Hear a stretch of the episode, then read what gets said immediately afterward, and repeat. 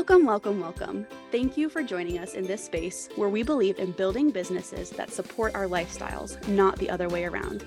We're so glad you're here with us to focus on doing just that. So grab yourself a nice hot cup of coffee, settle in, and get ready to hear from some amazing entrepreneurs in this space as they tell all the ways they have created their lifestyle business. We are so excited to be talking with Meghan Lamle today. Meghan is a corporate dropout turned multiple six figure business owner. After taking the last $200 in her bank account and creating a multiple six figure business in her first year, she learned the power of sales. Meghan has taught sales to over 200 entrepreneurs in the last three years, has had 100K plus launches, and over eight years of experience in the sales space. Meghan blends the power of sales psychology and behavioral economics to teach entrepreneurs how to scale their business and master their sales. I actually am connected with Meghan in the online space. I work with her as my business coach, and she is just a wealth of knowledge. So, we are so excited to be chatting with her about this whole concept of a lifestyle business. So, for anyone that is listening in for the first time, a lifestyle business is this whole idea that you have the right and you deserve to build a business that supports your dream life for yourself, for your family, for whatever it is that you're passionate about. So, we're just going to dive right in here. And Meghan, can you kind of tell us about the moment that you realized, like, okay, I'm starting a business and like what led up to that moment? I don't think there was like one clear moment. Um, I went to school for business management, and what a lot of people don't talk about in like the business management realm is you get asked constantly, "Are you going to become an entrepreneur?" And originally I was like, I'm not going to become an entrepreneur because like I don't want to do that. My best friend's dad was an entrepreneur. He runs a very successful in-person business here. And I was like, okay, like, you know, maybe eventually. But I ended up graduating in a really bad job market. And then I ended up managing for 11 months. And I missed every single family member and friend's birthday for a year. I, I remember standing outside of the store on my dad's birthday, and I had already bought the cake. I had bought the cake. I was going to take the cake home. We were going to cook the cake and have it, and calling my dad and being like, so and so didn't come in. I have to work tonight. Um, so I knew very quickly like that wasn't the path for me. I just wasn't fully gonna dive in. And then in August of 2019, I had I had a pretty sweet contract job where I worked through the school year. I tutored kids remotely. It was really good. But I didn't love it and it didn't pay as well as I needed it to coming from working consistently 80 hours a week. So I had $200. I was looking at this program and I had thrown every objection under the sun. I didn't have the money. I truly didn't have the money. I only had $200 and I had like a $600 truck payment. I didn't have the time. I was supposed to move to Arizona with a boyfriend at the time, and there were all these reasons why. And I was just like, well, I either do this, figure this out, make some money, maybe decide to grow a business or not. And I was like, well, this is better than what I'm doing right now because I hate what I'm doing right now. And so threw the $200 in, come out of the 12 week program with my first $10,000 launch. And I was like, okay. And then I guess the moment I realized I had a business is when in May of 2020, so in the middle of the global pandemic, kind of a long winded explanation, I hit $100,000 in sales in eight months, which this was unheard of back in 2020. This was not the same that it is now. And that's when it was like, I remember hitting that, going and buying this cheap bottle of champagne. I don't drink champagne. I never drink that bottle. And having like your standard like champagne, like uh, just shaking the bottle, taking pictures and me realizing I just created myself like a six figure salary. So I think that's when it was like real, but there was never a moment like I'm going to be a business owner. It was more like I don't want to go work a management job and then I didn't really know what I wanted to do with my life and part of me was like maybe I just go back to grad school and then I was like I don't want to go to grad school. Yeah, I think it's always so interesting because I even experienced this in my own career path. Like, we have this idea of here's what we're going to do but then you can just like pivot and change and you end up somewhere you didn't really expect to be at all. And I think that's the cool thing is you don't have to stick in one area. If you don't want to do something that let's say you went to school for something like that, you could change and you could do something different and it's okay. And I think you did that here and you created this business that you were able to grow and scale to what you have now, which is so cool. I love those stories. It makes I don't know. It makes me excited to continue to grow my business to get to that point too. I think in the starting part, you're like, I don't know what's possible. And I think there is a phase you go through like growing pains.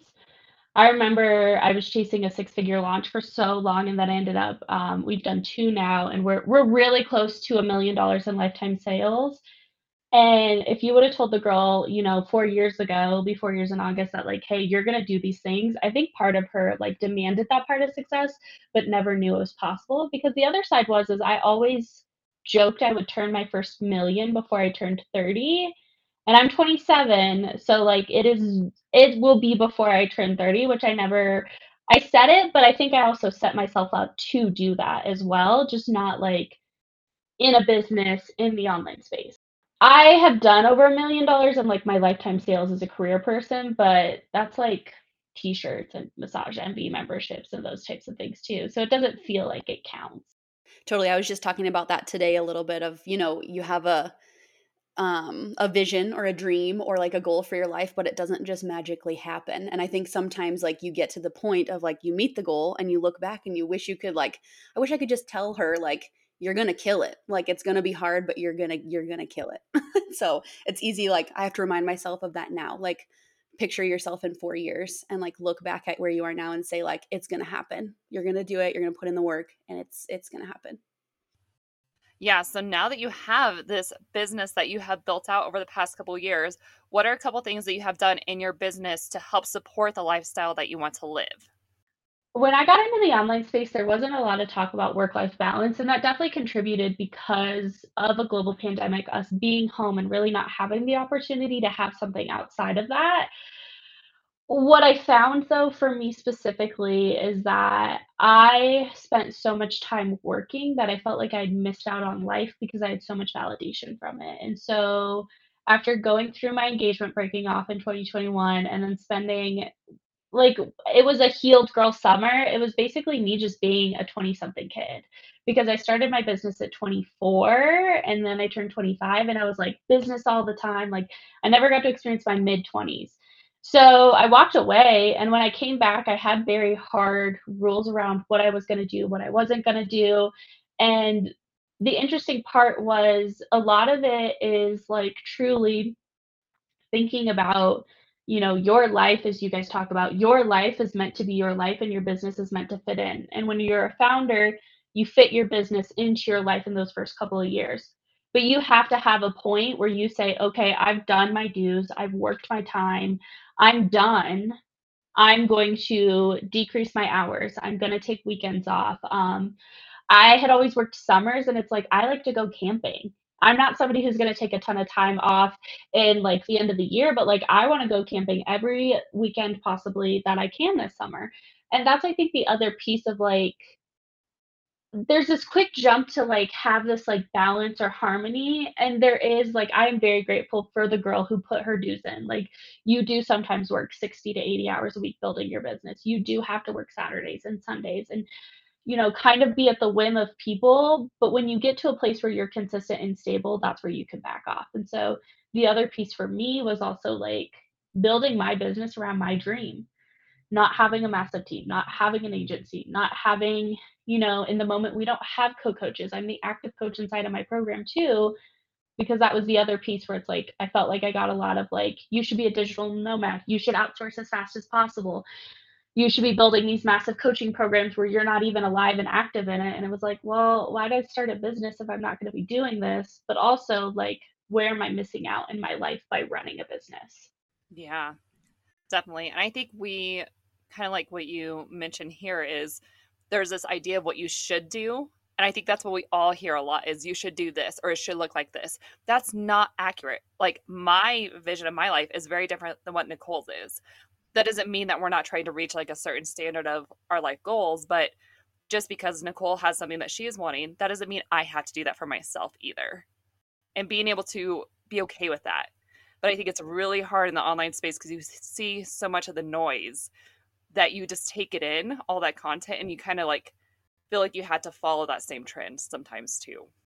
I think that's the biggest shift for me is i don't consume a lot of content anymore at all uh, from the online space because it's marketing. If you think about it, it's marketing. It's designed to draw you in. It's designed to be sexy and attractive and give you a desire. And that was something like coming back, I was like, I don't want to learn from people on the internet in the sense of marketing because I know what marketing's designed to do. I was like, I'm going to be completely plugged into the programs I'm paying for. I'm going to ask for the help when I need. And when someone really catches my eye, I'm like, okay, you know, is this someone I want to work with or is this someone who their marketing is really attractive? You know, applaud them for their marketing, but say, okay, maybe this isn't the right time. But I also stopped consuming how to build your biz content because I was like, I already built a business. And then I built a second business very profitably and still ended up closing it down. And like, I've uh, I've mentored over 250 entrepreneurs in three years. I'm like, I don't I don't need to be, you know, doing the doom scroll to research my competition just to make me feel like crap. And that was something when you can take your screen time down or be really intentional. When I'm on Instagram, I'm on there to find clients, have conversations, either close them then and there or wait for them to close and I get out. And that I think that's also a part of business a lot of people don't want to talk about is that the noise is marketing. The marketing's never going to stop. You just have to have discernment on what you're consuming. Yeah, I definitely need to take that tip for sure in my life. It's I don't know why it feels like such a big deal to just hit unfollow. You know, like to unfollow or to set the time parameters on your app or like to put your phone away. I don't know why that feels like such a big deal. I mean, I think we're addicted to technology, obviously, but especially in a business world where your business is all online, I think there is that pressure to just consume, consume. And it feels like a big deal to step away from it. Unfollow comes from ostracization we are pack animals at our core and when you unfollow you say that i no longer align with this community and being inside of this community. Previously if you didn't align with the community and you didn't have a secondary community to go to you would have died.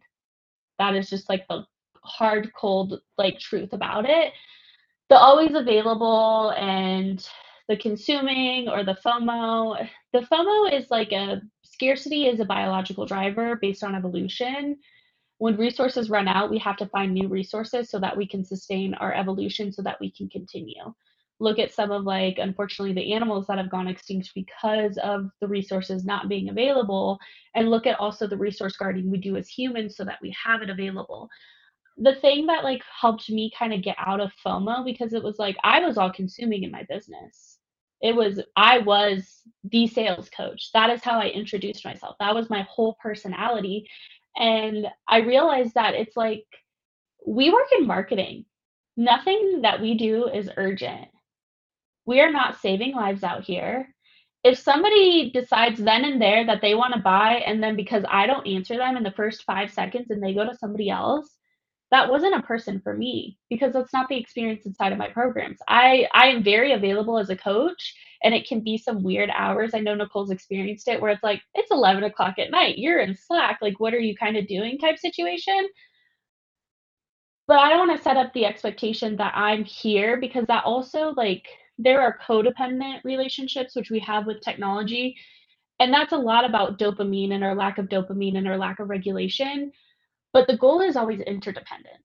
And that's where we are struggling in the online spaces because a lot of us are stepping away, creating different lifestyles, really adjusting our business to have those expectations.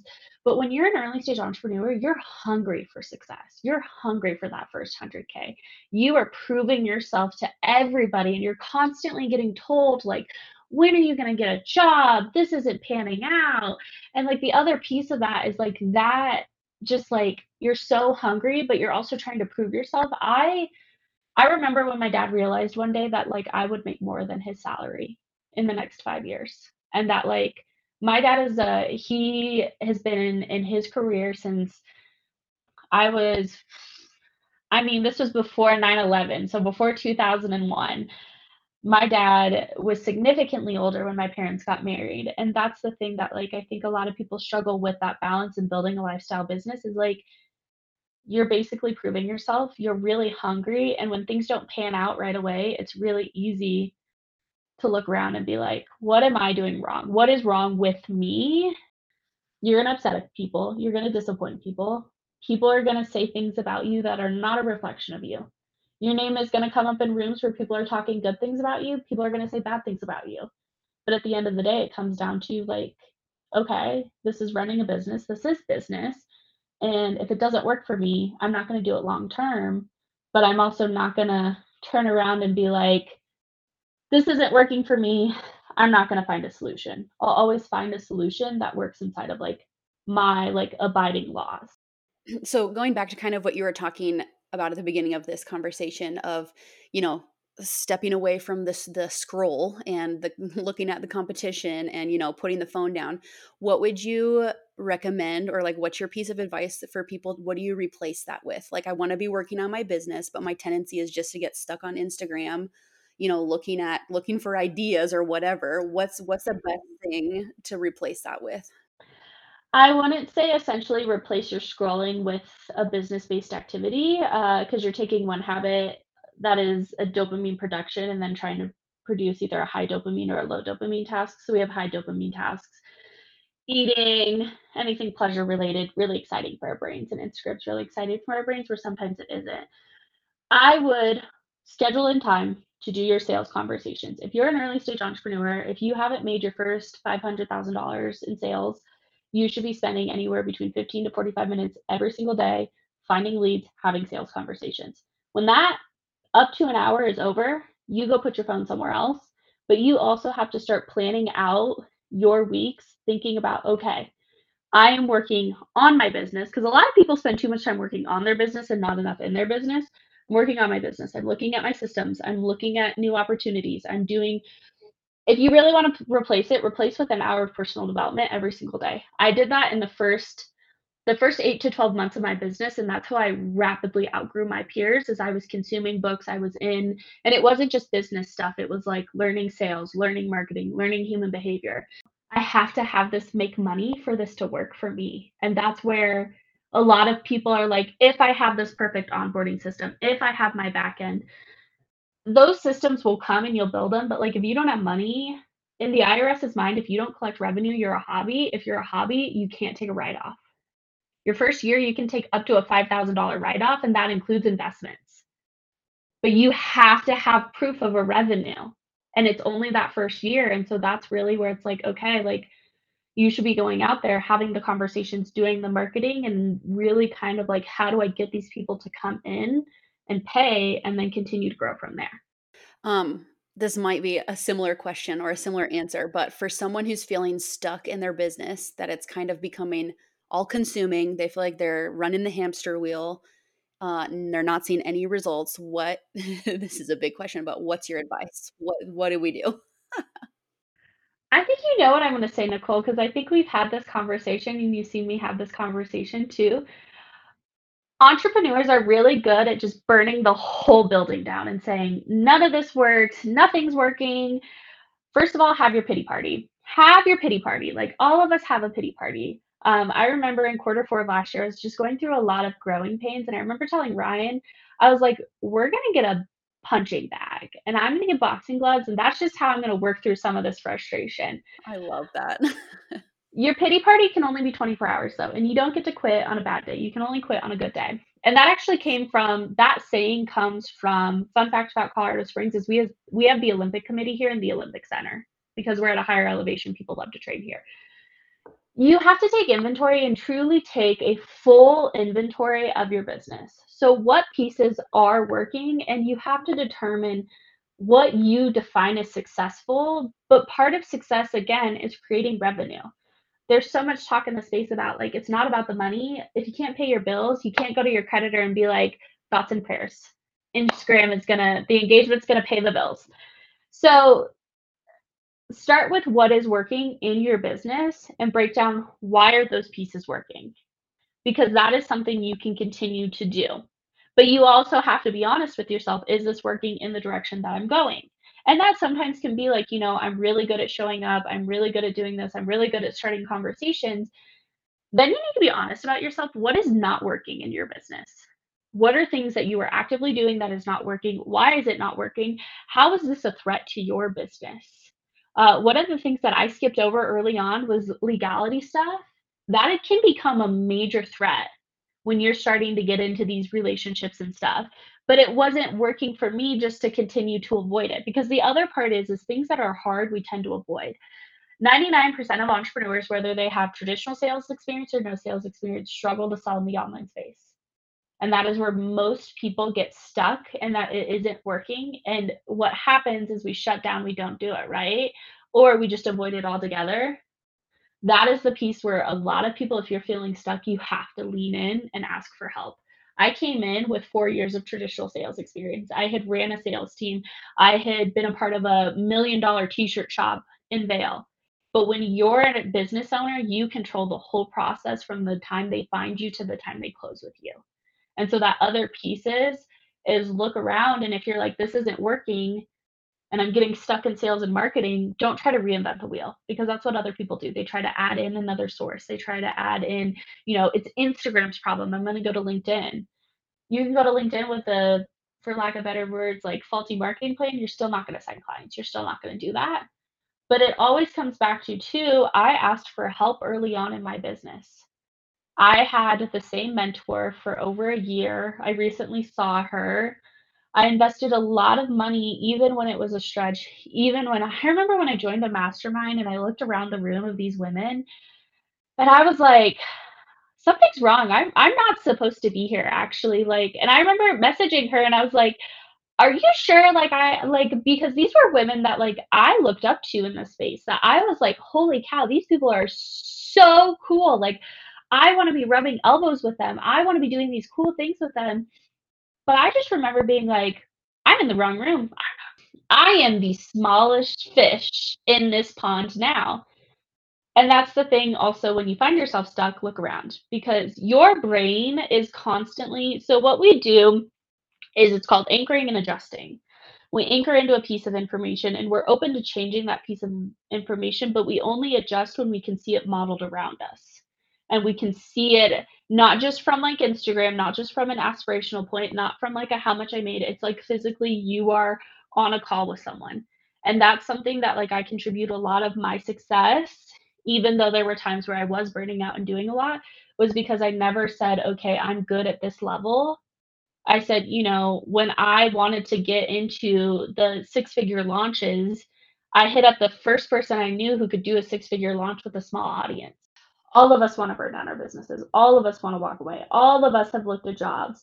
All of us have interviewed at jobs. I remember when I came back to the online space, I was mid job interview and I looked at them and I said, I actually don't want to be here. Um, like, I like you guys. I like the place. Uh, I think this is a wonderful opportunity. I would have killed for a job like this out of college, but I was like, I don't want to be selling these hotel buyouts. I want to buy it. I want to bring my clients here. I want to run the show. And I just remember uh, the HR person looking at me and being like, at least you're honest. And I was like, I know. That is amazing. Oh my gosh. I love that. I love them. Like I they're like our number one thing for like in-person stuff, but it's just also you can have bad days, but you can't have a bad week or a bad month or a bad year. And that's where it's also the side of business a lot of people don't talk about is like you you have to believe that you can do unreal things. When I did my first 100k in sales in 90 days, and my audience was small. They were about 2000 people in there. I was selling every single day. I was hustling my little heart out.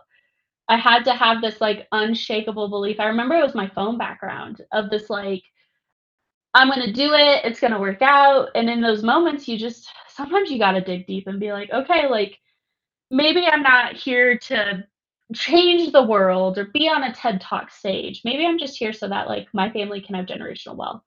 Or if I have kids, my kids can go to college and it's paid for and they don't have to work like I did in college. Or maybe it's just so that like you know, I can buy the nicer car that I want. Some of those days are just digging deep, but it is one of those things too where it's like, okay, don't burn it down today. Like I tell you all the time, Nicole, I'm like, you can quit on a good day, but you can't quit on a bad one. Yeah, I was definitely there at the end of quarter four. I was burnt out, and I told my husband, I was like, I'm done. I'm walking away. I'm done. And I did what you said. Like, I took some time and just like stepped away from business totally for a little bit, not like multiple days, but a couple hours. It just did something that I enjoyed and then came back into it. I was like, okay, here's time to rebuild now, you know? And I always say, like, I relate a lot of stuff to weightlifting because I weightlift. And if there was a point where I have a bad day of lifting and I just was like, nope, I'm not lifting anymore, how am I ever going to get better? I'm not. I'm not going to get better. Same thing with business. If I stop, I'm never going to get to the goals that I have. So it's got to keep going. It's hard, it's not easy, but if you have that goal set in front of you, I think it gives you that motivation to keep going too. I never rely on motivation. I rely I and I don't rely I don't rely on discipline. Discipline is how we're taught is is also a lie. Um because we're taught what's, what's the truth then? That's curious. I've never heard that. Discipline is a concept that's constructed like time. Discipline is subjective to how you're viewed in the world and what you're doing.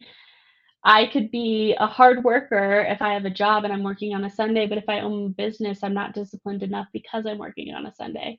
I always rely on who am I at the end of the day. Because like the only person I'm going to answer to, really truly, like who is going to look who in the mirror at the end of the day.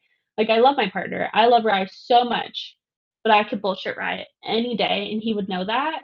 And it's not it's not Ryan looking at me at the end of the day, being like, okay, who are you? You're looking at yourself, and so like that's I think the other piece that isn't talked about a lot is like who are you and remind yourself because there are days where it's going to be quarter 4 was probably historically one of the worst quarters in the online space. Mental health trash. Numbers trash. Black Friday, I've never seen a Black Friday like that and I've been in the space for 3 years and I like historically preach like I I think Black Friday is a scam. Um you don't need to like you don't need Black Friday to sell your offers, but it's like instead of you're you're never going to be fully motivated. You can be disciplined in the sense of you have a schedule, you work the schedule. It's just who you are at the end of the day. Because if you believe that you get the job done, you show up, you're going to be successful. I mean, you can even feed yourself like, you know, I'm confident, I'm magnetic. People find me and they love me. Your brain doesn't know the difference. It does not care. It's not saying, "Hey, that's like garbage." I I told myself a lot starting out that I I don't know the answer, but I could figure it out. And using but I strategically used the but, right? Where it's like if you say but anything before it gets canceled out, my brain was like, I can't note that I say but very strategically though, because I don't have the answer, but I can figure it out. Which the logic is I will have the answer eventually. So I don't believe in motivation. I don't believe in discipline motivation's waning. It's it's really driven on dopamine and like I have ADHD, so like my dopamine is like I start out at negative 50 every day. Well, going off of that, of some of the things you believe, we're going to do a quick rapid fire, real quick. And so, super short and sweet, really easy. So, all right, first one beach or mountains? Mm, mountains, but only if it's Crested Butte in the southern part of the state. Oh, there you go. I was wondering if you would still say mountains. If people don't, if people have never been there, they don't understand. But you haven't seen it until you haven't seen mountains until you've been to Crested Butte. it's freaking there. I live and am born and raised in Colorado, and I've never seen mountains like Crested Butte. When we camped down in Taylor Park, I remember sitting in the truck looking at these mountains because my partner spent time at, at Crested Butte. We both have done our ski tenures, which I think also contributes to that. I just remember sitting there and being like, I have never seen mountains this big, and I feel so small, and I'm okay with that. They're huge. Nicole is like dying right now. Let me tell you, Colorado native, born and raised, in love with the mountains, moved to freaking South Dakota. They're like, we have the Black Hills. I'm like, don't even talk to me. I don't want to talk not about the same. it. Not the rolling hills. Hills, Black Hills. Come on. okay, dessert first or last? The whole meal's dessert. Oh, I love this one. That is the way to go. Podcast or music? Neither. I just like silence lately. Really? hmm I don't know if I Yeah. can do silence. Maybe that's an issue that I have. All right, last one. Travel in the US or travel abroad? Abroad. Where would be the one place you would go? Uh, I mean, the most like easiest place to go is my future father-in-law lives in Ecuador, and he's been begging for us to go.